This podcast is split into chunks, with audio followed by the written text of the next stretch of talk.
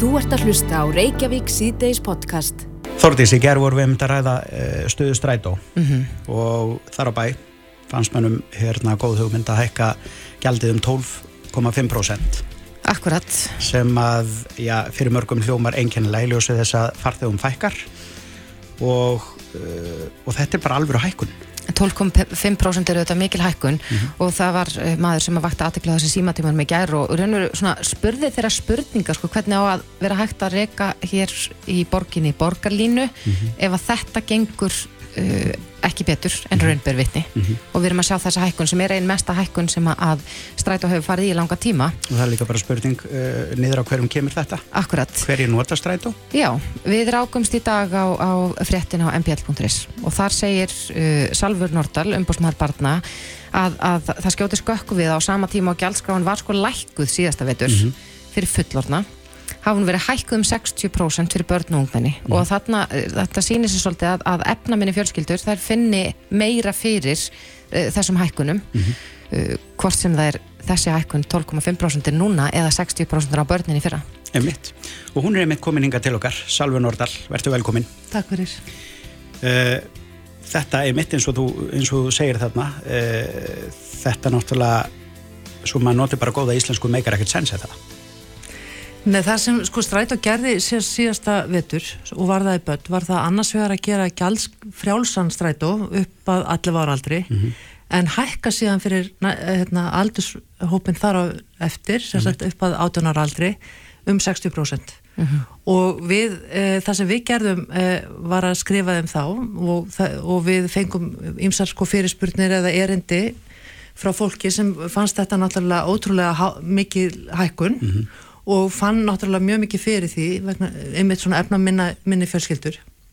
Og kannski fólk sem er með eða fjölskyldur sem eru með fleiri en eitt eða tvö ungmenni sem er alveg hérna, auðvitað dæmum mm -hmm. og svo við, sáum við náttúrulega líka að börn, börnin sjálf voru náttúrulega mótmæla þessu.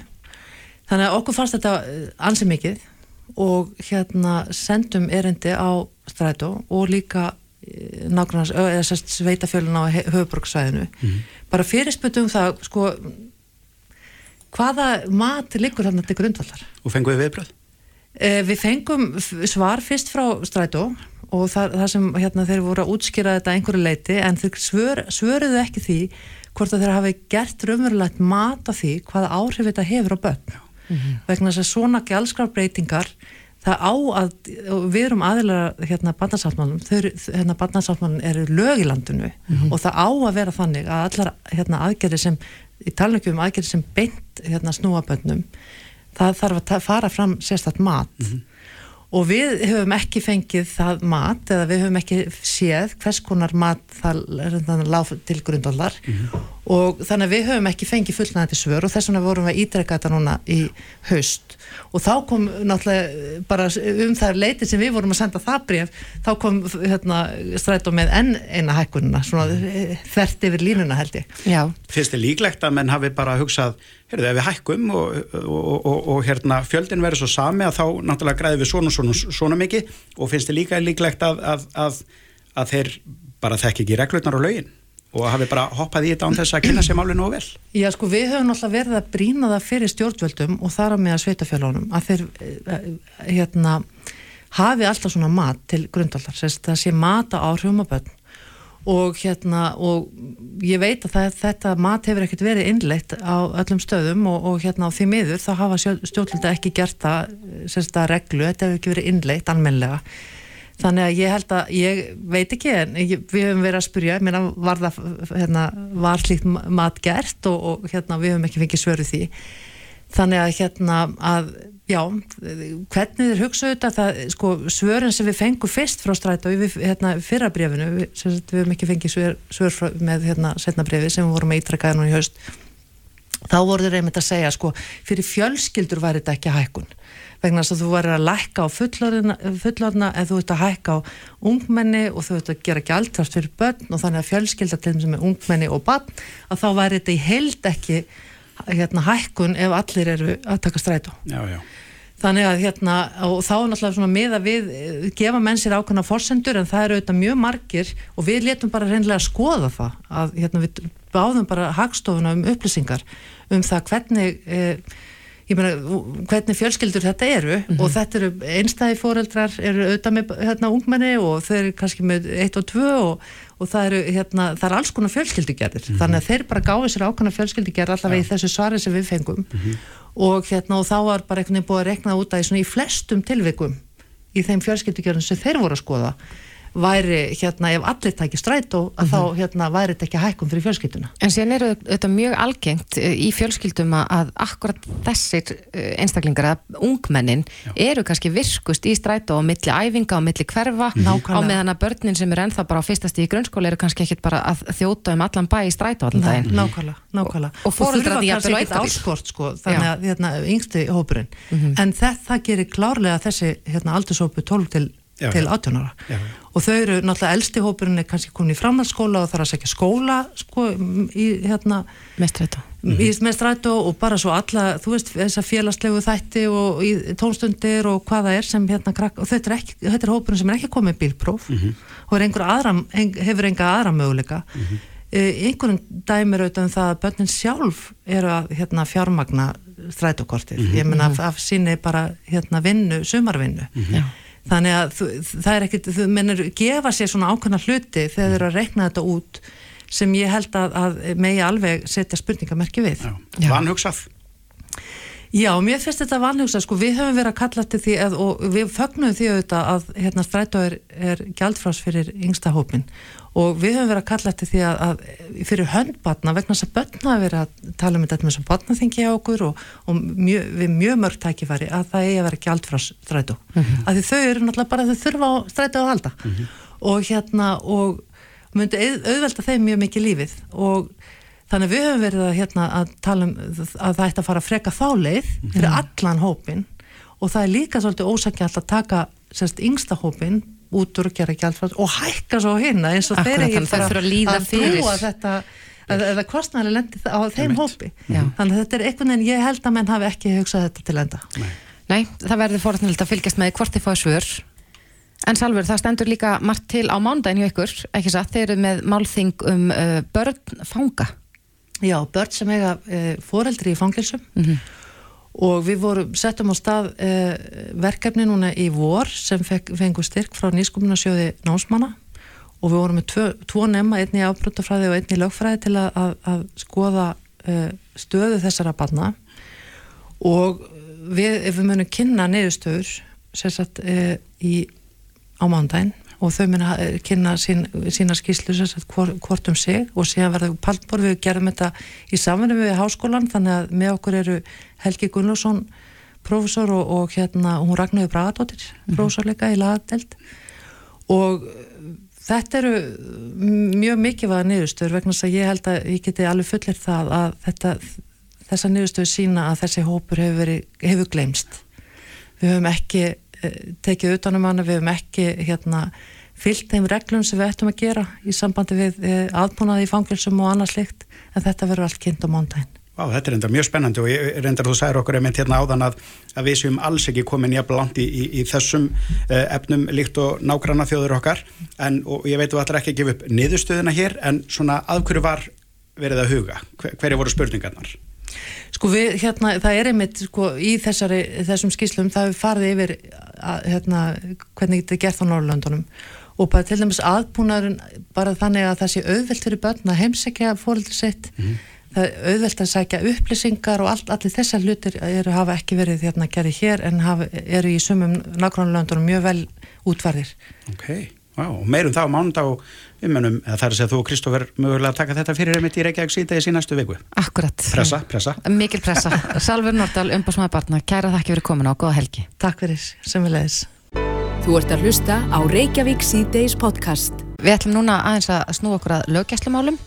Uh, við erum auðvitað búin að fylgjast með hraðri atbyrjar ás, má segja, fylgjast með eins vel og við getum. Það er náttúrulega lítið af upplýsingum sem að, að uh, komið hafa frá lauruglunni og núna hér að saksóknar um rannsókn máls þar sem að, að mögulega voru menna skiplegja hriðjuverk, mm -hmm. eða voðaverk hér landi. Mm -hmm.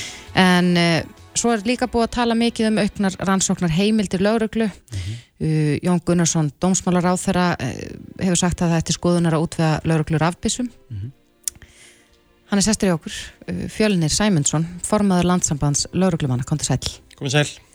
Já, eh, kannski byrjum á rannsóknar heimildunum er, er þetta ákall frá ykkur að fá auknar heimildir til þess að sinna rannsókn sakamála? Já, í raunin, eða veist, eh, ég er náttúrulega að tala bara fyrir landsaball lauruglumanna og við höfum sendt frá okkur álíktanir bæði til lauruglurráðs og til ráðanettis þar sem við höfum líst okkur fylgjandi þessu og, og síðast þegar Jón Gunnarsson setti fram uh, frumvarp í, í, í samráðskáttina þá sendum við inn umsók sem var, sem var jákvæð. Og við lítum nú helst á þetta sko, uh, sko þau okkur sem hafa starfið rannsóknir vitum að það skortir upp, á sko heimildir í samstarfi önnur lönd. Til dæmis ef danska lögregna segir að hér er komið maður sem við látum fylgjast með þetta er, þetta er þekktur glæpamaður þá segir við, nei við, við megum ekki gefa ykkur upplýsingur um þennan mann meðan hennar á Íslandi. Þannig að sko, svona hlutir vantallaldið upp og við vitum alveg að afbrot sko, afbrota með stopp ekki bara á landamærum. Sko, þetta er orðin svona alheimsvæðing, alþjóðlegur heimur. Þannig að við tel, teljum að íslenska lögregn hafi ekki sko nógu sambarlegar heimildir meða við önnur Európulönd. Það eru ekki allir sammála á því og sett sínis hverjum og bara ef maður horfir á og hlustar á það sem að píratar hafa fram að færa í þessu málum þá segir lögreglan hefur nægar heimildir til að uh, já, ráðast í aðgerðir og ráðast í, í, í að skoða fólk ef að grunuleikur á að menn sé að brjóta af sér. Uh, þau vilja bara ekki að, að, að þeir ráðast að fólki sem að sko liggur ekki undir grun en þú ert náttúrulega ekki endilega að tala um það. Nei, ég er náttúrulega kannski ekki, ekki, að tala um það, ég er að tala um kannski fólk sem leikur undir Já. grunn eitthvað staðar, en svo sko, já kannski erum við að tala um grunn og grunn, sko, það, stundur leikur eitthvað undir grunn um eitthvað, en það eru engar sannari til, en, en, en svona einhverja vísbendingar. Og ekki nógu sterkar kannski til að fara fyrir dóm og, og byggja um, um símhlustun eða, eða heimil til að skoða bankareikninga eða eitthvað og þá eh, segir lögreglan, já, sko við höldum þessi maður, sé nú á bakvið alla starfsemina og við viljum fá að fylgjast með honum, til dæmis, ég er bara að teka eitthvað dæmi, sko. þó, þó við höfum ekkert ennþá í höndunum. Og, og þið haldið þið alveg fram að sko íslenska lauruglan hafi uh, minni réttindi í þessum málum heldur en til dæmis lauruglan, lauruglan á, á Norðurlöndum Já, já, hún, hún hefur það. og það er alveg klárt mál. Alveg, alveg klárlega, já.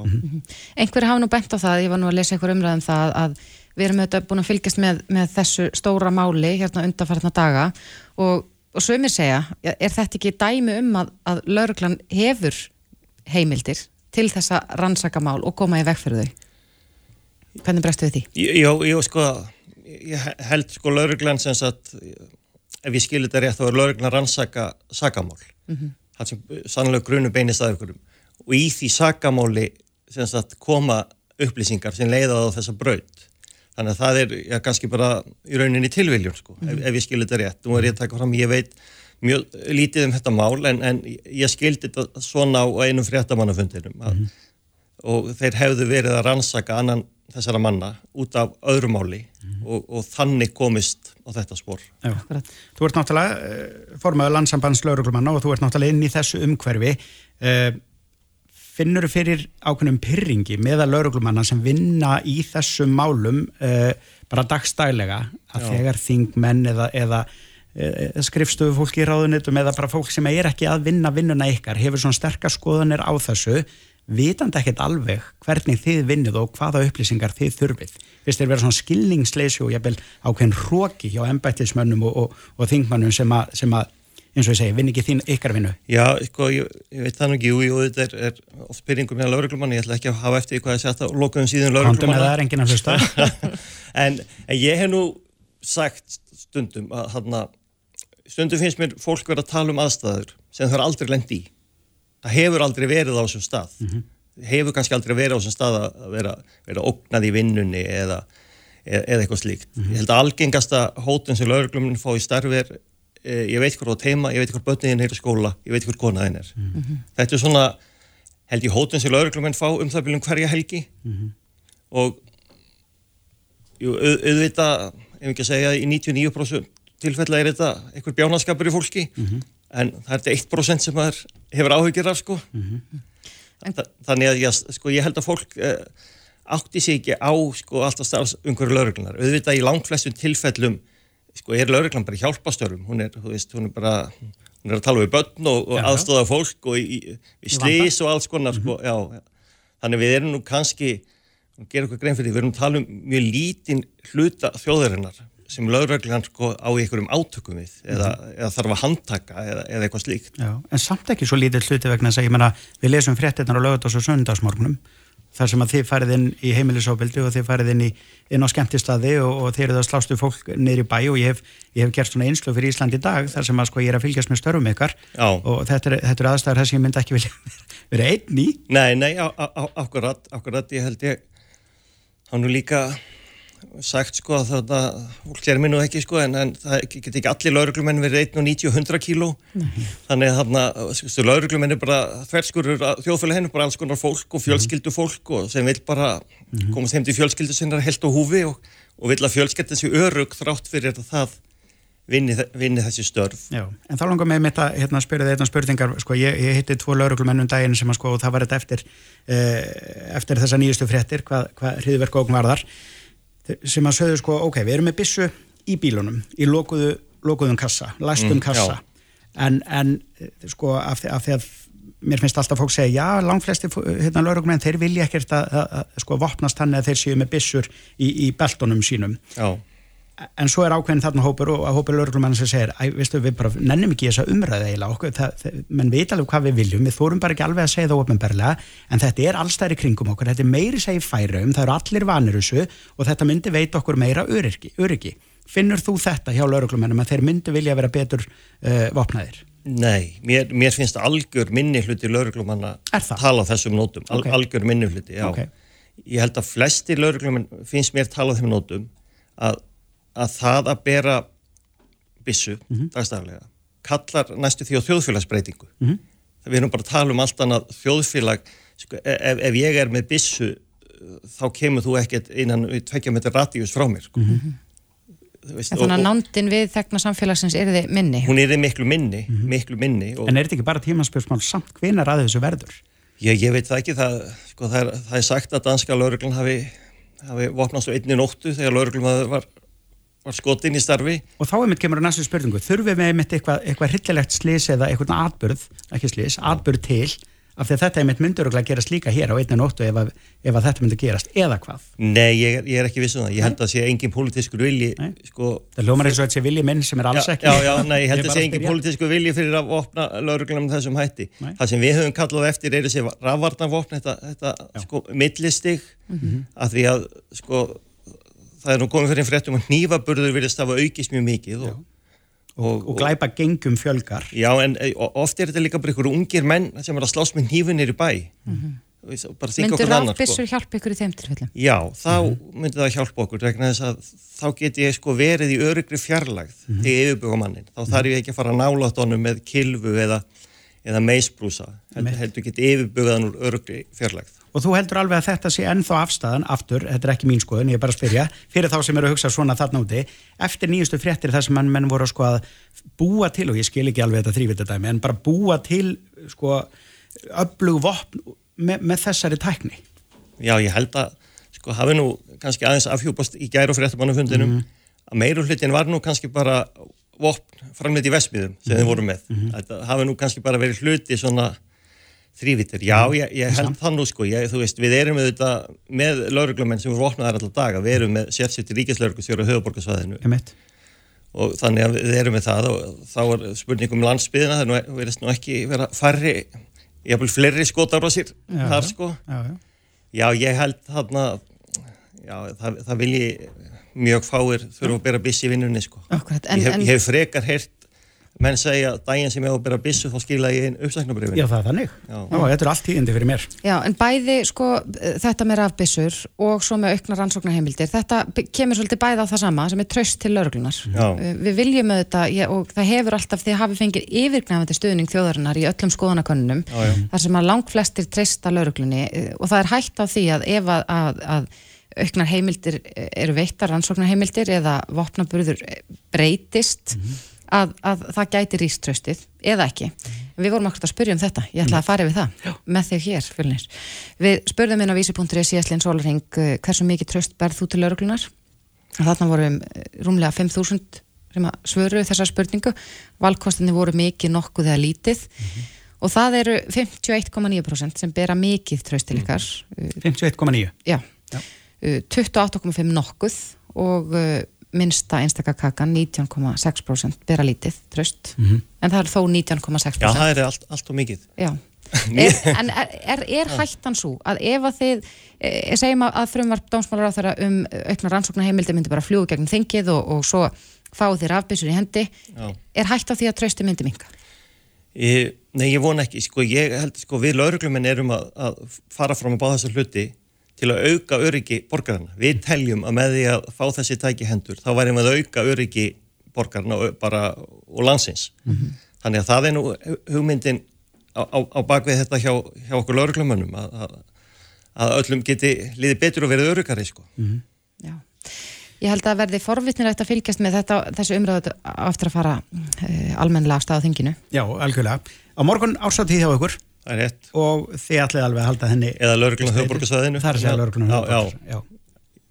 Þannig menn, og það verður bara haldið áfram með það því að ég mitt þessir, til dæmis lauruglumenn sem ég var að tala við þeir sögðu sko, þú veist, eðla var þeim bröðið eftir Já, já. síðustu fréttir og þeir sögðu sko, makar okkar þá langa ekkert á, á, þetta, á þessa ársatíð en kannski, kannski hefur þetta aðeins svona ég, ég, róast mér var sagt það, ég kefti miða sko, mm -hmm.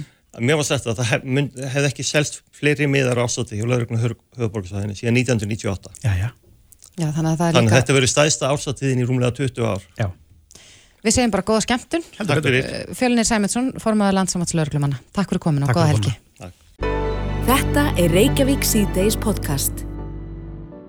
Nú ætlum við að kíkja aðeins niður á þing. Já, Um, í vikunni hjælt Þorbjörg Sigriður Gunnlaugsdóttir þingmaður verið snar ræða á þingi og uh, henni finnst tímabært að lengja fæðingarólof. já, það er nýbúð að lengja fæðingarólof, Það eða er, hvað? það er stutt síðan, ég man ekki alveg nákvæmlega hvernig það var, það er stutt síðan að fæðingarólof var lengt í 12 mánuði Já. og uh, svo breyting var líka gerð að nú er, skiptist þetta jaft á milli fóreldra, þetta eru 6 mánuðir og 6 mánuðir. Já, mann geta ekkert breytt því eh, svona með hvernig kannski mögulega það hendar fjölskyldunni eða bara annar aðilinn eða, eða taki, þú veist, mismikið samt En ég, mér skilst allavega núna að þetta sé 6 mánuðir og 6 mánuðir. Já, ég, veit allavega að Þorbjörg Sigurður Ég er komin veit úr þessu, úr batning. Ég hef ekki áhuga lengur, Nei. þetta er annar að manna vandamál Akkurat. Þorbjörg Sigriður, kom til sæl. Sæl verið þið. Velkomin, Takk, takk, takk. ég veit á situr hérna og er búin bara að hugsa bara, nei, þetta er allt sem þeir að segja er rámt Mm, já, ég held að það, sé, það er pínusögur Já, sko, já. til að hérna, fara á milli, en, en það, er samt, það var haldið í, þetta var hérna, gerist fyrir ári, að fæðingaróla fór úr tíu mánuðum upp í tólf Já. og hérna haldið í þetta grunn prinsip um að það sé sjálfstæður réttur hvors fóreldri sem sig, Mhm. en hérna einhver, einhver sveianleggi um það hvernig þetta sé brotið upp, en mei, meginreglan þessi. Já, en eins og þegar hérna, fólk er e, þegar um einstæða fóreldrar að ræða Já. þá þeir þá og Það er tekið til til þess Já, núna já. og hérna... fá allan tímans E, já, í, já. í, í, í þeim tilökum þar sem að foreldri er eitt, mamma til dæmis og er með forsjá og þá getur hún fengið. ok, Um, það er alltaf ótrúlega hvað mikið hefur breyst bara á þessum 20 árum uh, rúmum síðan að bara lögin voru fyrst sett. Þá var til dæmis ekki gert ráð fyrir því að bara foreldri á sama kynni mm -hmm. uh, getur þetta ekki fæðingarólof þannig að hérna, mikið breytt í því. En já, ég hérna talaði um þetta uh, veit að það fæðingarólof í Svíþjóð er lengra en hér og hef tekið eftir því að uh, svona sérgreinar hér og þar uh, frá uh, fóreldrum sem er að kalla eftir þessu og að því að þú nefndir þetta með að brúa bylið að þá hérna er það þetta samtal sem er og verkefni úst, áratuga gamalt eh, hvort að bat komist inn 12 mánuða eða eins og yngsta mín var fætt í november og þá var það einhvern veginn bara betra eigins batn í mass já. þetta eru ótrúlega skrýtna reglur að sé ekki hægt að, einmitt að breyta já, þeim sko. já. þannig að hérna, það sem sýnir auðvitað kannski líka að þú veist, þetta er rosalega stórt verkefni þetta með hvað tekur við eftir fæðingar og, og, og, hérna hvenar líkur fæðingar og lofi Mhm. uh, að því við vitum það auðvitað þegar þú farið ekki í pláss að þá er, er samt einhver heima með badnið Mhm. það eru hérna fóreldrarnir sjálfur þá tekjulösir eða það er einhver amma eða einhver afi Mhm. og kostnæri lendir alltaf á heimilinu og hérna, verkefni er rosalega stórt og þá finnst manni kannski líka eins og með stór verkefni að geta ekki bara verið ykkur ein universal leið fyrir alla sem er bara svona langt fæðingarólof og svo takki við leikskóli. Með því að lengja fæðingarólu og þá var ég kannski eftir að gera það í skrefum fara næst upp í 14 mánuði, svo 16 og enda í 18 þetta eru, dýrskref sko. Um, að þá hérna en halda samt til haga því prinsipi að batni geta komist inn í leikskóla við 12 mánu aldurinn þá léttur náttúrulega líka kúfin aðeins. Já, já. En því að hugsa um- fóreldrar myndu vilja e, myndu vilja vera heima e, lengur en gera það ekki út af bara kröfunum það að hérna, fæðingar skuli ljúka við þetta tímamar hafi ekki efna á því það, þetta kemur líka inn á náttúrulega umræðum tekju hámarki og allt þetta. Þannig að ég var, hérna, jú, þetta helst í hendur við leikskóla umræðina en líka bara þetta, þú svona samfélag sem vil halda vel utan um barnafjölskyldur gerir kannski mesta gagni með stuðningi á þessum fyrstu árum. Þú veist, foreldrarnir eru yngri uh, þegar börnin eru lítil veikindadagarnir eru fleiri og allt þetta. Fjárhagurinn viðkvæmari. Um, þú veist, það er svo margt sem mæli með því að bjóða upp á það að fyrir þá foreldrar sem vilja getur fengið að vera lengur í fæðingur En þú ætlaði að vera ógeðslega leiðilegur, er þetta ekki samt dýrt er alltaf leiðilegur, Ég veit það, ég er bara fóreldrar mínu báðir og þú veist, öll fjölskyldina leiðileg Já, En, en er það er hana einn aftalega í Siggi fjölskyldin frændi, við erum fjórmenningar. Sumir segja hans er Já, En er þetta ekki, ekki bara alltaf dýrt fyrir þjóðfélagi samt ef við ætlum að, ætlum að fara þessa leið? Því kannski mögulega er ekki búið að rekna þetta út en að halda fólki þarna og á þessum Já, jú, þetta er, þetta er dýrt og þetta er stórt skref að gera þetta.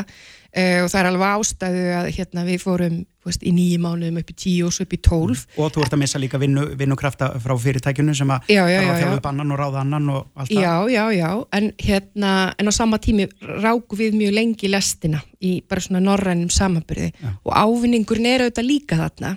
Og þetta kemur þá aftur inn á þennan punkt með e, veist, yngri börn e, í leikskóla til dæmis eru dýrari heldur en e, þau sem eldri eru, bara upp á starfsmannafjölda og annað en þetta sé hugsa þá bara sem e, stuðningur við fjölskyldur alveg í blábyrjun og að fjárfesta í því. Það síðan er það auðvitað þannig veist, hvernig tekjurnar í fæðingar Ólafs sjóði verða til, veist, hvaðan gjöldin er í tekjun og svona, þannig að þetta er ekki hérna, e, veist, þetta er ekki bara einhver bóla fjármagni sem allt í hennu er sótt, e, það er verið að sapni þennan sjóð.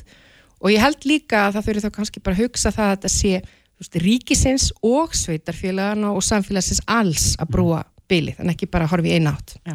En nú hafa sko jafnbreytti sjónamið oft verið tekin inn í þessu umræðu út af því að, að staðan er þannig hér á landi að, að konur taka gjarnan, eða mæður taka gjarnan lengra orlof en feður og þess vegna var þetta skref nú tekið með að, að þetta væri sjálfstæður réttur hvors fóreldri sem sig Já. Eh, er hægt á því að, að við stígum skref aftur að baki kynja jafnbreyttinu ef við lengjum orlofið og mæður þá jafnvel verði lengur heima Ég held að það væri heiklust hægt á því að við myndum líka bakka með uh, hugmyndafræðin um það að það eigi að vera sjálfstæður réttur fyrir mömmu og pappa í þeim tilvíkum þar sem fjölskyldunar eru þannig samansettara því þú veist veruleikin um launamunnin er ennþá fyrir hendi og við vitum líka að það er öðruvísi pressa á vinnumarkaði gagvart feðrum um það hvað þykja æskilegt að þeir fari í langt orlof.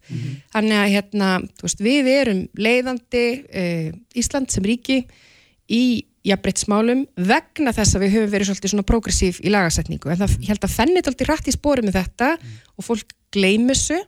Þannig að lenging á fæðingarólofi án þess að haldi þetta prinsip held ég myndi framkalla bakslag í jafnbreytsmálum en ég myndi aldrei tala fyrir því.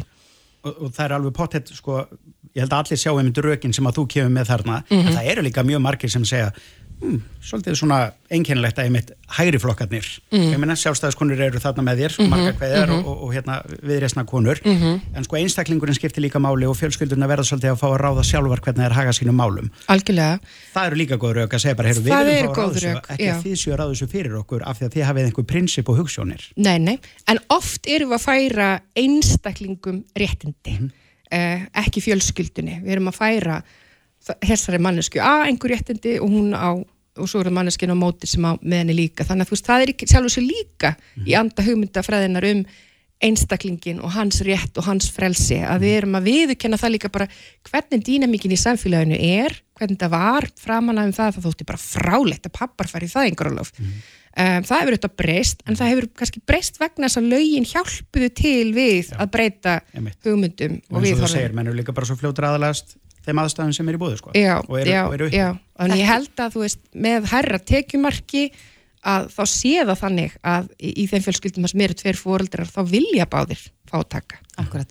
Hefur það verið skoðað hvernig, hvernig uh, þetta hefur breyst síðan að nýju lögin tóku gildi, þekkir það? Hvort að þeir séu að taka lengra orlof en þeir voru að gera áður?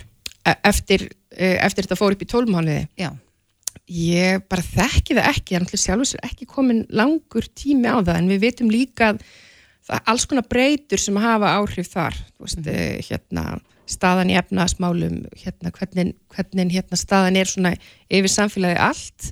Um, þannig að ég var að játa, ég, ég þekki það ekki. En þetta var auðvitað rosalega stórt debatt nýr á þingi á sínum tíma um það hvort ætti bara bakka alveg uh, og þar held ég það hjálpu að vera ekki alveg lesblindur á samfélagir að hérna, þau voru að setja lögin. Um, en mér finnst ég bara að hafa heyrta og það er kannski líka þráttur að við sem að setjum hér séum kornung að aðeins e, yngra fólk er einhvern veginn að, að nálgast líka fjölskylduna á svona annan hátt með það hvernig þau forgánsraða að vilja e, fá sveigurumið til að geta gert þetta. Já. En sko, þú talaður um þetta þingi núna, hegstu leggja fram frumvarp þess efnis og maður getur þá búist við fjörögru umræðu á ný, það verður alltaf mjög mikið, mikil umræðu um breytingar á fæðingarlóslögjöfni. Já, ég var að hugsa þetta svolítið og ákvað að byrja svona og, og hérna prófa að fara með þetta út í sal og sjá hver viðbröðum voru. Og þá, og þá kom það svona, mér fannst alltaf gaman að því að ég fekk tölvöld mikið á postum og mitt frá yngra fólki, mm -hmm. uh, ennþá yngri en við erum. Uh, eins og ótrúlegt og það ótrúlegt, ótrúlegt, ótrúlegt uh, sem var óbúslega já. já, sem voru bleiböld sem voru byrjuð að skrifa uh, en hérna sem var spennt fyrir þessu, þannig ég sé alveg fyrir mér að það var í gaman að teikna upp þingsálutina tillögu og, og láta á þetta reyna En ok, við erum alltaf að fara lengur og lengra með þetta. Ert þú með eitthvað svona, ert, ertu með eitthvað draumatíma vegna þess að það kemur ekkert óvart að, að yngra fólki sé hérna uppteknar að þessu, ég meina við erum alltaf Já. að tala um styttingu vinnuvikunar Já. og allt þetta, alls konar sem er, fólki finnst mjög svo raunhæft að, að hérna, tala um og, og framkvæma, Mhm. en ertu með eitthvað svona drauma í mitt hérna, tíma varðandi, af því að það er alltaf verið að færa mörkin, sko. Er þetta bara upp í einhvern veginn, já, hún fer mist í vor og ég er svona að fara aftur á vinnumarkaði. ég vil skoða það um, sko ég held að þetta sé hérna að því síðan er þetta öllum börnum gott að fara í leikskóla Já. og vera með jafnöldur sínum og það er þroska element í því. Um, þannig hérna ég, ég nefndi í þessari ræðu, ég sæði fyrir mér að svona efri mörk í þessu sambandi geti verið átjánmánuðir Já. að fara upp í eitt og hálft ár. Og ég held að með því að gera það að þá myndum við kannski losa eins um þetta. Þú veist að það eru einhver stokkur foreldra sem myndi notfæra sér þetta, annar stokkur sem að vill að barnið geti komist inn uh, við 12 mánuðina að það eru kannski jafnvel minni nýting en hérna býr til sveianleika og valfrelsi Af því sem það að hægrið ætti verið hriðið af líka Af því Þorbjörn Brím, þú veist að fólk þarf líka að fara út á vinnumarkaðin til að búa til verðmætið svo hægt sé að halda upp í kerfinu. heldur betur og vistið um verðmættin Ég held að ég leggja til að við höldum þessari umræði bara áfram hérna á kaffestofunni en uh, Þorbjörg Sigrir Gunnarsdóttir, þing með að verið snart. Takk fyrir komuna. Takk fyrir mig Þetta er Reykjavík C-Days podcast. Hann er sestur hérna hjá okkur, maðurinn sjálfur. Mm Það er eins gott að haga sig núna því að það er yfir maður okkar Þóruldur Gunnarsson sem frangatur stjóri miðla.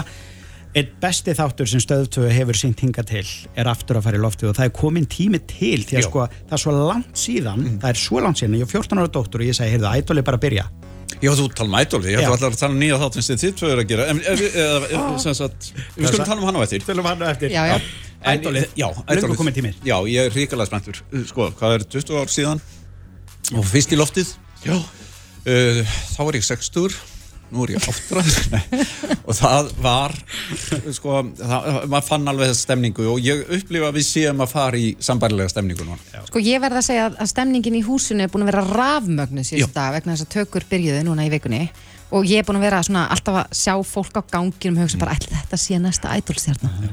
Hvernig er þetta búið að ganga? Þetta er búið að ganga ríkalega vel og það er rosalega drama, Donnetin er alveg geggjuð en þetta reynir alltaf á hana, hún, sko, hún er að segja nei og stundum hún er alltaf harkaleg og þetta er bara fagfólk og það lætir ekki byggða sig hvað sem er.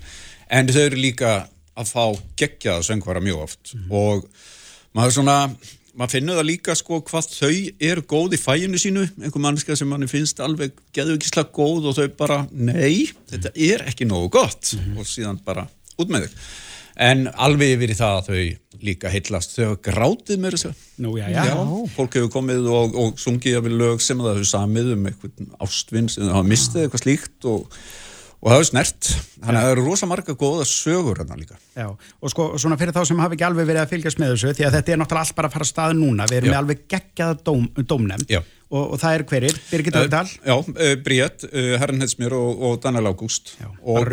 Já, og það er líka bara bara að hitta það á mótnan og sjá hverju þau klæðast. Þau eru svo ríkalega flott, þau eru öll með sinn stíl. Já. þannig að, að þetta er svona bara það er bara geggjað að, að fara snemma á mótnana inn í stúdíó fylgjast með upptökunum.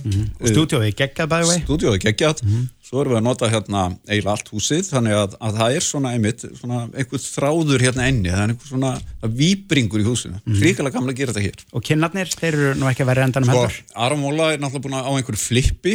Hann er náttúrulega bara í því að, að í stúdíu og um allt hús og stel einhverju stel einhverju verðmætum frá dómurónum, glasinu þeirra og koma því upp og, og hvaðina og, og Sigrún náttúrulega bara er stórkostlega sjónaskona þannig Heldur að þau eru frábært uh, par. Þannig að við erum svo vel mönnuð. Já, sá ég ekki líka Lil Curly hérna Jó? Lil Cully er hérna með samfélagsmiðluna og, og er svona bak við tjöldin og er að taka hérna við tölu á milli hæða og, og svo er Solborg Guðbrand sem fylgir þeim sko frá sagt, uh, efstu hæð og yfir í stúdíu þessi dramatísku augnablík að, að Mhm. lappa og fara að mæta domnendinni Ég held nefnilega líka sko bara einmitt frá því fyrir 20 árum þegar þessi þættir svona út í heimi voru ekki alveg jafn ábyrrandi mm.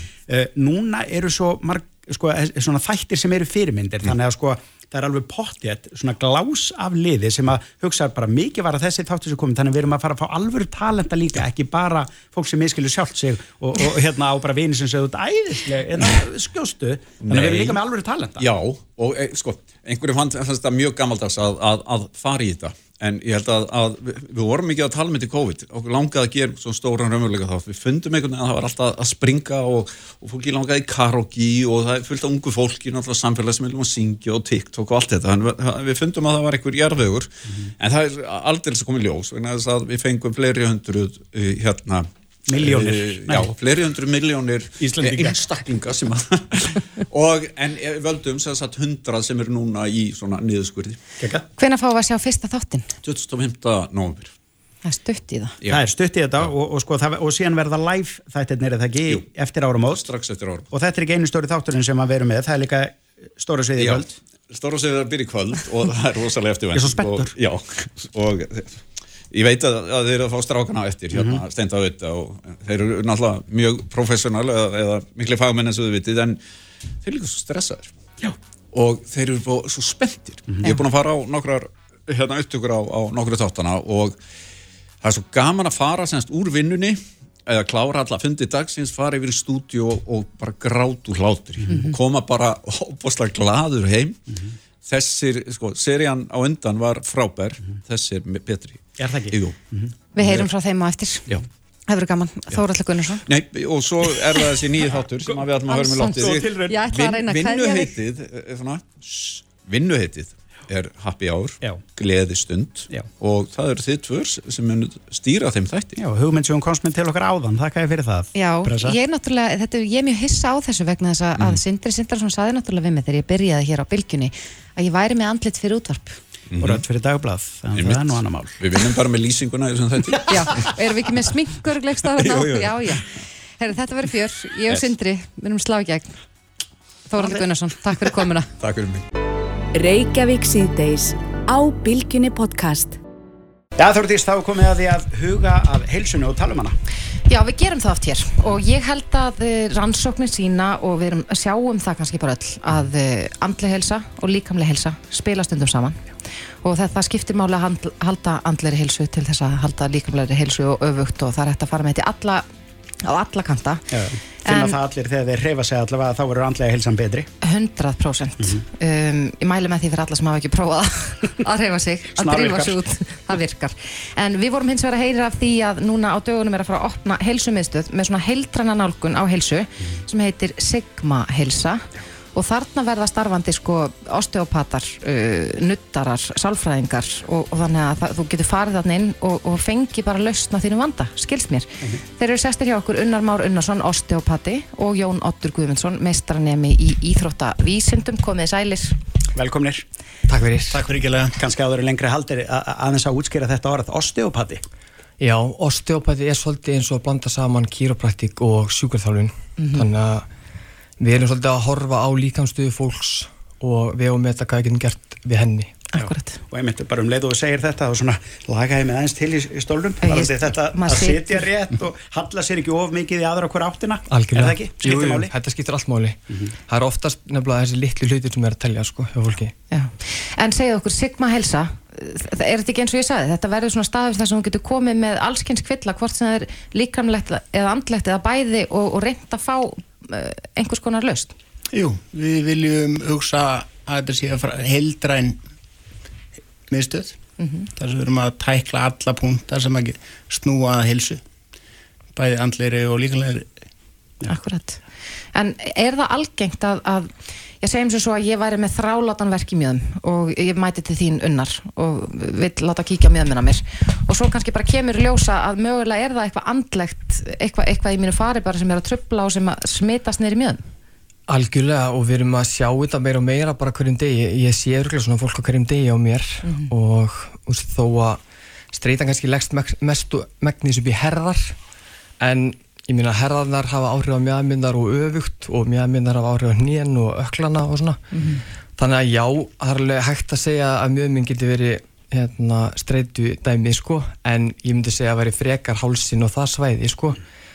En veist, klálega rísa tengingan á milli og maður sér það alveg að stundum er bara fólk basically ekki með neitt verk Nei, sem það er já. að finna, veist, þetta er bara andlega hilsan í skarli Já, þannig að fólk kemur kannski kvartandi yfir einhverjum uh, líkamlegum kvillum en, en í ljós kemur að það er ekkert að.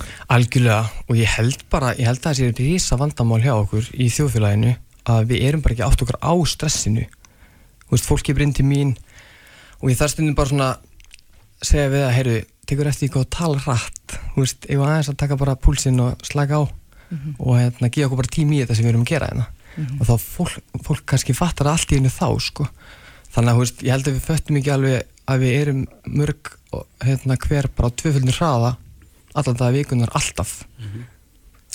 En er, þá, ég veldi fyrir mér, er, er fólk að leita til ykkar af því að það, því finnst að vera komið óefni eða þú veist, af því að því líður illa, er, er kannski, er mögulega að maður ætti að leita til ykkar áður en að það fyrir óefni, þú veist, er, hægt að tala um fyrirbyggjandi aðgerðir þannig að maður, þannig manni, manni þurfi aldrei að líða illa?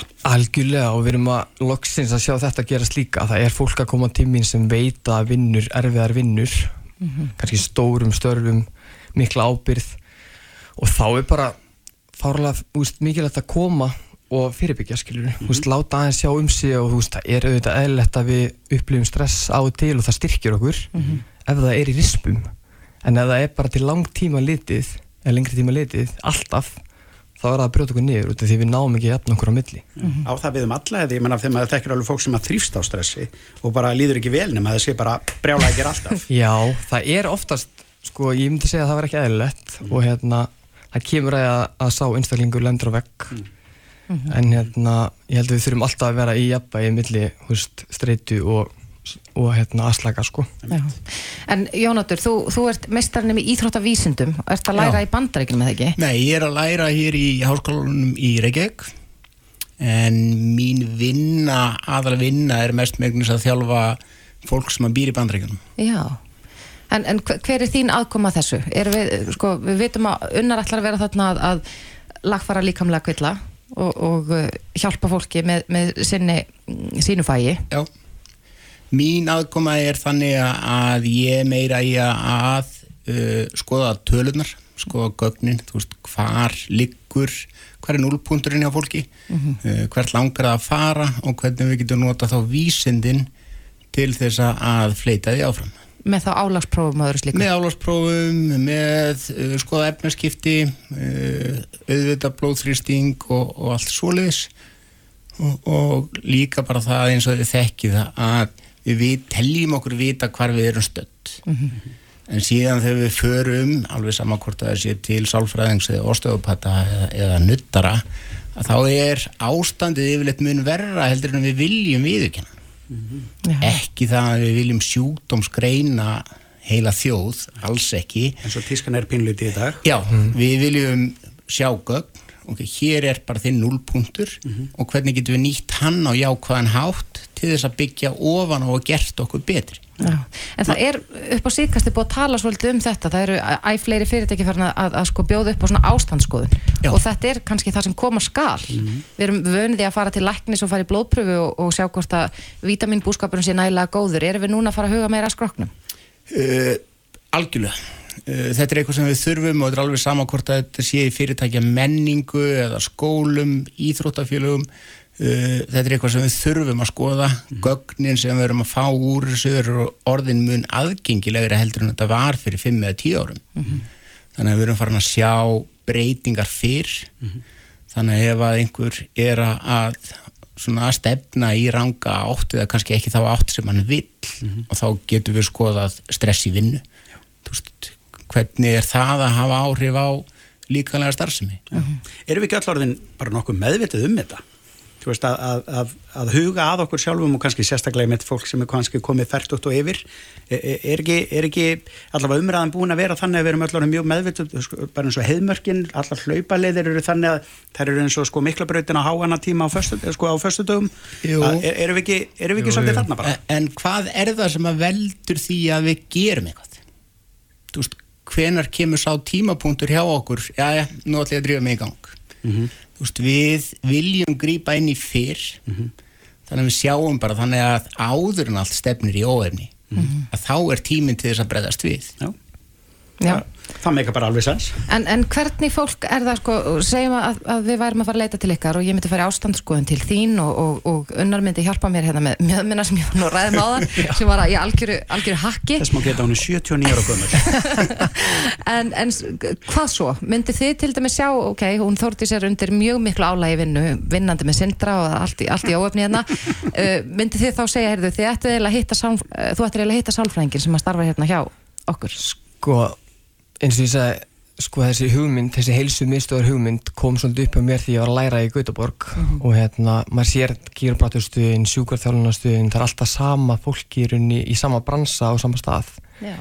mér finnst það svolítið svona leiðilegt að hérna, mér getur mikið freka verið bara 5-6 fagalar, allir í sikkur greinni að hjálpa stað frekar, heldur en Já. að allir í sínu hotni og eiginlega ekki heldur að senda á milli sín sko Nei. Þannig að veist, já, ég myndi líklega mæla með því við þig að tala við hana Mhm.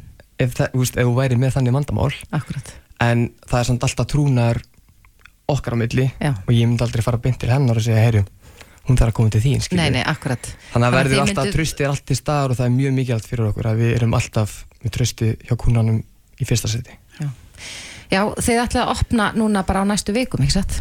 Upp í Urðaholti. Jú, við erum að stefna því að opna um miðan oktober. Er strax komin byrjuð? Já, Já. það er bara að lofa mjög góðu og, og kannski bara tímabært að opna. Já, við þurfum að ástandskoða heila þjóð mér. Unnar Már Unnarsson, Óstefapatti og Jón Óttur Guðmundsson, meistarnum í Íþróttavísindum. Kæra þakki fyrir komin á, gangi ykkur vel. Takk fyrir okkur Hlustaðu hvena sem er á Reykjavík C-Days podcast. Þórdís, veistu hvað er að gerast í kvöld á stöðu 2? Ég veit að reyndar. Ég ætla samt að fá að segja það. Já, segðu það bara. Uppbóðstátturinn minn er á leiðinni aftur í loftið, stóra sviði. Þetta er uppáhaldsþáttur allra í, á mínu heimili. Eða bara allra Íslandinga. Já, ég myndi segja þetta ætti allavega að vera. uh, Þetta eru uppáhaldsþáttur geggjaðir allra. þættir og, sko, þarna er í raun sko, búið til eitthvað úr nákvæmlega engu. Þetta er bara sko, ótrúlega skemmtilegt rugg allan daginn. Mhm. En uh, þeir tveir sem að sjá um þetta á samt steinnólinu eru sestirinn hjá okkur, Ötti og Steindi, nýbúnir í að 95 alveg út af Við vorum að klára okkar fýbraskap bara á hinum megin. Já, Það er líka, er bara allt betra hérna. Það er ekki sama táfélan og hinnum Nei, mann finnst maður einhvern veginn bara fullofnast við að fara yfir á bylgja Já, trúið mér, ég þekki þetta. Ég er alltaf fólk, ég bendir ítrekka á það að þau halda í sig svona 45 ára. Ég er að verða 35 eftir mánuð. Já, já, einmitt. Það er bara að smitast með Ég held það. Já, þetta gerist eftir hrætt á bylginu sko. Komið sæl, sæli drengir og velkomin í alvöru gefið útvarp. Takk fyrir það, Ekki um og lendir óvart um borð í bylgju uh, lestinni sko. Já, ég hef ekki ennþá henni sko. Já, ég hef ekki ennþá farið í bylgjulista Nei, það, það, það er tokki og, og ef hún er eins og hún var í og- hérna steipustöðinu þá er ég ekkert að fara að ferðast með henni hún er alveg crazy sko. En ok, önnur seri er að byrja í kvöld. Uh, Er þetta með sama sniði? Já, e, í rauninni bara, þú veist, við hérna, bara búin að stekka og Það verður átta þætti núna, voru bara sexi fyrra. Já, Þetta verður leikra stærri atrið, meira rugg, meiri vilsa Já, ég er nefnilega búin að sjá upp úr þessu af því að ég, sko, ég, ég, hangi yfir klippurunum þegar þeir eru að klippa þetta efni. Já. Sko, fyrri serían er góð. Já. Þessi er betri Ég fór eiginlega að lofa þér sem er oft hættulegt en ég held að þessi sé skemmtilegri. Hún er það. Já, og við held, höldum það sko. Við, hérna, en við vorum glaðið með fyrstu en við erum bara Geggjuð. alveg í skíunum með þessa. Við, bara, og gestirni bara gegja það sem skemmtilegast við er að gestirni koma það, það er svo mikið keppniskap sem kemur. Þetta er ekki þáttur sem gestirni kom ekki bara einu sinni í stúdíu og í tvo tíma eða Þetta eitthvað er líka gestirni mjög fegnir þegar þetta er loksins búið. Þau eru að halda bara rapparti með fjölskyldun sinu því að þau eru búin að hanga með okkur um okkar mánu þau eru búin að taka upp atriðin og svo er stúdíu þannig að það er allir uppgefni þegar þetta klárast loksins. Það er alveg erfið tímtal að ringa hérna, eru, hérna, hvað ætlum við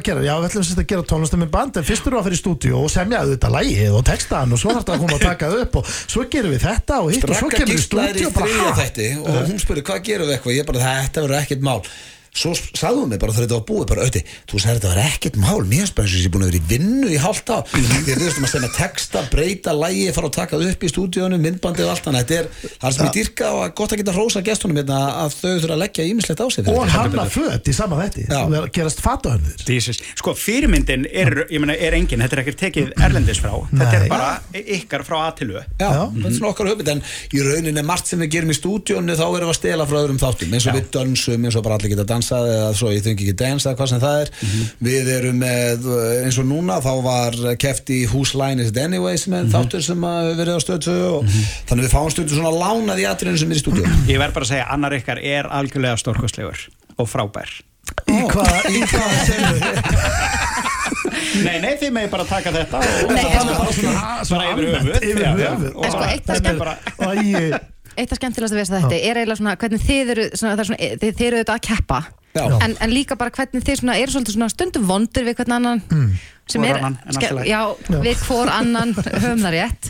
En mér- langar aðeins að leifa hlustundu bylgjunar að kynast ykkur eins betur. Og ég er með nokkra spurningar tilbúnar fyrir ykkur. Ok. þar sem að, að þið þurfum að, að já, svara hvor væri líklega til þess að gera ímsa hluti. Já, ok Ok, það er er í en, það. það reynum við líka að vera svolítið hinskilum með þetta í stúdíónu. Þú veist, ef auðvitað kemur með eitthvað geggja atrið þá segir ég bara, heyrðu, þetta var bara geggja. Það verður erfitt að keppa við þetta. Já, en þeir eru svo, svona stundum að monta ykkur svolítið ef að hinn eitt tapar og hinn vinnur svona. Já, já, það kannski er það nutta eins og svona, Aðeins þú og veist, nutta samt í sarði er ok.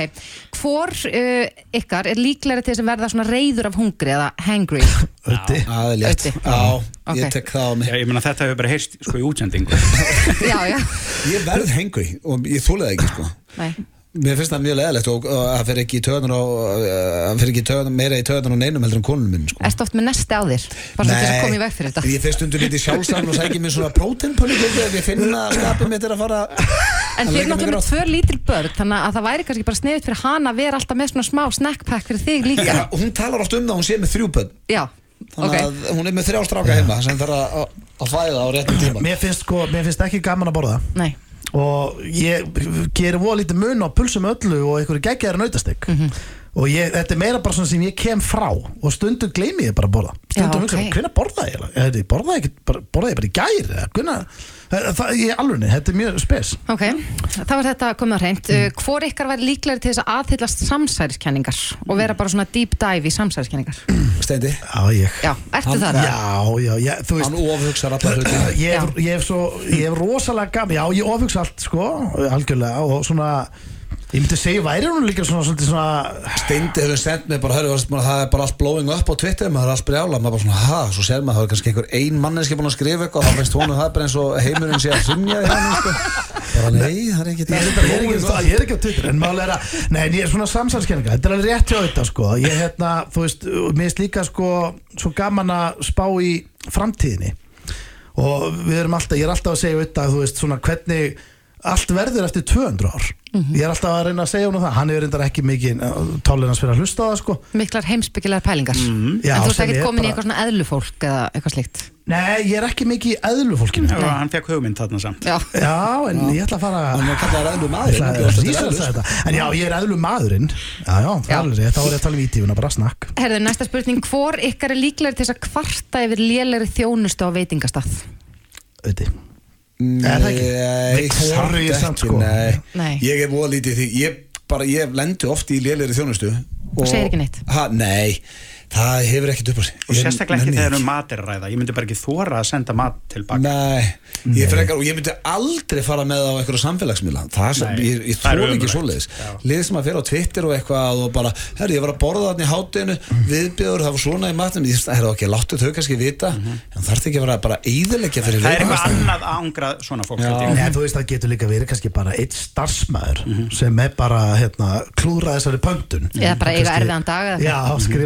sem er bara, hérna, klúra þessari pöntun. Eða bara eiga Kannski- erfiðan dag eða Já, skrifast kannski ekki alveg En á ég, ef ég lendi ykkur svoleiðis þá myndi ég gera það en samt upp og ég er ekki eins og að grínast, ég er ekki eitthvað að reyna að sleikja ykkur upp eða hlustendur ég myndi segja bara, herðu, hérna, ég dýrka stæðin ég kem oft einnig, ég lendi á hann, það var eitthvað skrítið ég myndi aldrei koma bara, herðu, hvað er í matnum mína? Hvað er uppið að myndi gera það uppbyggilega hvað samsærir í gangi?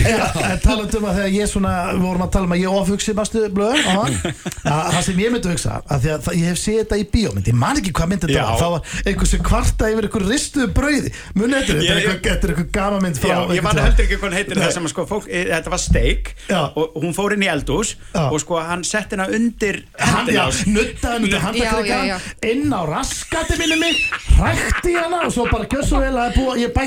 Að ég að auka ykkur svona, þú veist, ég laga þetta. Og ég var bara maður nennir ekki lendi því heldur, sko. Þú veist, ég, ég, ætla, að- ég myndi aldrei kvarta og segja, seg, heyrðu, farðu bara með diskinn bakvið og, Og sjáum hvað gerist. Og ég ætla bara að býða henni í korter og svo ætla ég að borða þetta svo hvað kemur tilbaka, ég, nei, ég held ekki. Fyrir ekki að borða þetta bara eitthvað hálf frá að steik, sko.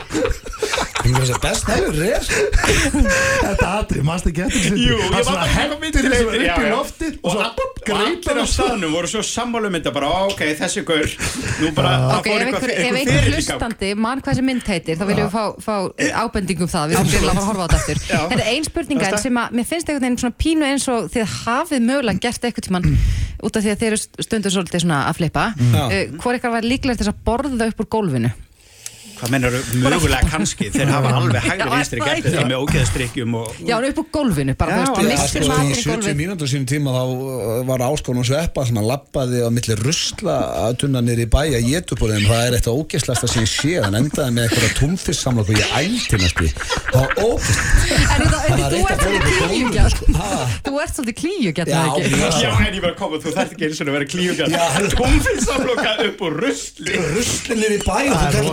Já, þetta, þú ertur svolítið klíkjandi Kjöndi tippa Það er ekki tengt. Minn aðeins fann að færa sér upp á skatti. Sko, Steini var að líkla þetta líka búið Já, já, ég held það alveg sko Vest að við ekki sveppa hérna núna. Já, hann hefði langlegaðist sko. Hann myndi sleika uh, gólfið Ég leiði eftir hérna 5 sekundareglan 5 sekundareglan Ég leiði eftir því bara. Þú veist að ef ég missi eitthvað á gólfið þá er bara 1001, 1002 upp í 5 sekundareglan Já, alveg 1001, 1002 ég tel- ég Ég hægt. þannig að ég missi eitthvað, þú veist, ef ég er að borða með strákunum og heima bara og dettur eitthvað gólfið, þá geti ég alveg. Já, Það já, ég meina heima hjá þér Já. Það er þetta að vona það Já, ekki- ég Jafnvel á veitingast, maður sjá, ég ætla- ég mynda mér núna að maður segir að borða þetta franska á gólfið, nei, ég hendin. Það? Ok, stjörnutork, kringlan. Eitthvað dettur á gólfið Nei, ég er ekki að fara að borða það. Við megum ekki missa okkur í þessu sko þá, þá verðum við bara svona fólk sem er alltaf með flensu sko við þetta styrkir okkur rosalega ónæmiskerfið að taka einu eina fröllu upp úr gólun á er bara- Nákvæmlega. Þú hendur basically matnum á gólfið og segja, er hann hjá mig? Er oftast veikur á okkur í ef ég, ef ég vakna eitthvað slappur eða með takk í bakkinu og fer ég beint upp á stjörnutorg og hendi fröllum í gólfið og borða það og ég verð allt annar sko. Ok, heyrðu, spurningarnir er búin að sinni. Við þurfum að að fara að halda sem áfram. Já, ég veit það, þetta er ógist skemmtilegt. Þetta er gaman að fá okkur. Já, Klukkan hvað eh, hefst sjáið í Það kvöld? hefði eftir klukkutíma, eh, rúma, það er bara klukkan sjö. Bara strax og eftir fréttum. Já, en þeir svo líka beintin á stöð 2 plus, þannig að fólk getur horta það bara, það, er að góða við teknina og framtíðina, þú getur já. basically bara komið bönnunum niður og horta það þeir í sínast. helvítis framtíðin. En já sko er að en þetta er náttúrulega krakka, fyrir krakka líka. Þetta er fyrir alla. Þetta er family show. Fjö, fjölskyldu áttur ég held þetta sé flottu tími þannig að þú getur horta á þetta með genginu og svo komið öllu niður. Það er planið hjá mér í kvöld, pizzapartí og, og stóra sviðið. Á. Auðvitað og steindi, takk fyrir komuna. Ég takk bara, Já, takk fyrir okkur Það verður heljarnar veistla í næstu viku. Þá eh, eru uh, S.A.A. samtökin góðu að halda upp á 45 ára afmæli. Það er bara ekkert öðruvísi og það er e, stór afmælis hátíð mitt 5. oktober klukkan 20 Mhm. uh, en það er líka bara eins gott að þessi samtök séu til því að mér skilst að það hafi aldrei verið jafn mikið að gera hjá þeim eins og þessa dagana. Það þýðir ekki að þessi pullandi gróði. Nei, nei, Þórdís. Það er vist ekki þannig. Og e, talaður um að COVID hafi gert það að verkum þegar fólk var meira heima og, og gæti lift sér kannski minna að það satt bara og drakk. Já, og byðlistin er vist tildulega langur en, en, en það er ekki endilega ætlast til að, að það leggist allir inn en, en fólk er eðlilega hvart til að leita sér hjálpar. Auðvitað. Og til að ræða við okkur um þessi mál þá er hún komin hingað til okkar, Guðni Pálsdóttir. Hún er verkefna stjóri hjá S.A.A. verður velkomin. Hæ Er þið? Hæ, rosa res Mjög glöð. En er það ekki rétt, það er bara, hefur sjaldan verið jafn mikið að gera og, og, og drikja landsmanna er og verður starra vandamál? Já, ég, ég held hann við getum sagt það að eftir COVID þá hafi þetta náttúrulega það, það bara varði einhver svona viðsnúningur í að bara ef við hugsið það, þú veist bara fólk hvernig það eh, skemmti sér og hvernig það fer öðruvísi í vindrykju ég veit ekki alveg hvernig við, við eigum að segja það en, en, en við erum semst að reyna að gera allt sem við getum og viljum benda öllum á að, að hérna, ef þú þarft á hjálpahalda þá er hún til. Já.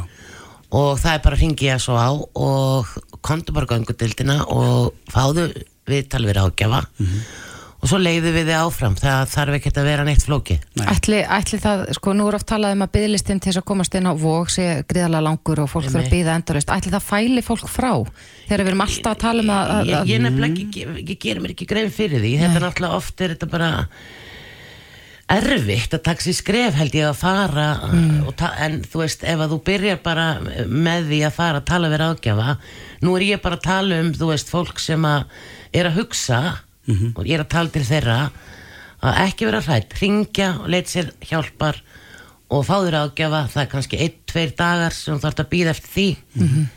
En það er kannski lengra sem þú þarfst að býða eftir því að leggjast inn á vóg Akkurat En það kannski minni hluti mitt því að, því að þú getur líka leitað þér hjálpa með því að leita síðan í hópa. Algjörlega. Og, og, og einmitt eins og segir ráðgjöf. Já, og þetta sem við erum að gera núna einmitt að halda upp á 45 ára ammaleið þú veist og bjóða bara öllum bara þjóðinni, við eigum náttúrulega S.A.A. og, og það er allir sem eiga einhvern sem hefur þurft á S.A.A. að halda og þetta er mjög flott ammaleið hjá okkur og, og það skiptir líka rosalega miklu máli að fólk bara hi- hittist á svona einhverjum öðrum vettfangi heldur en heldur en bara kannski með sínum vinnum eða eitthvað svona heldur bara að stóra stóra mengið hittist svona og allir Já. séu góðir í einmitt.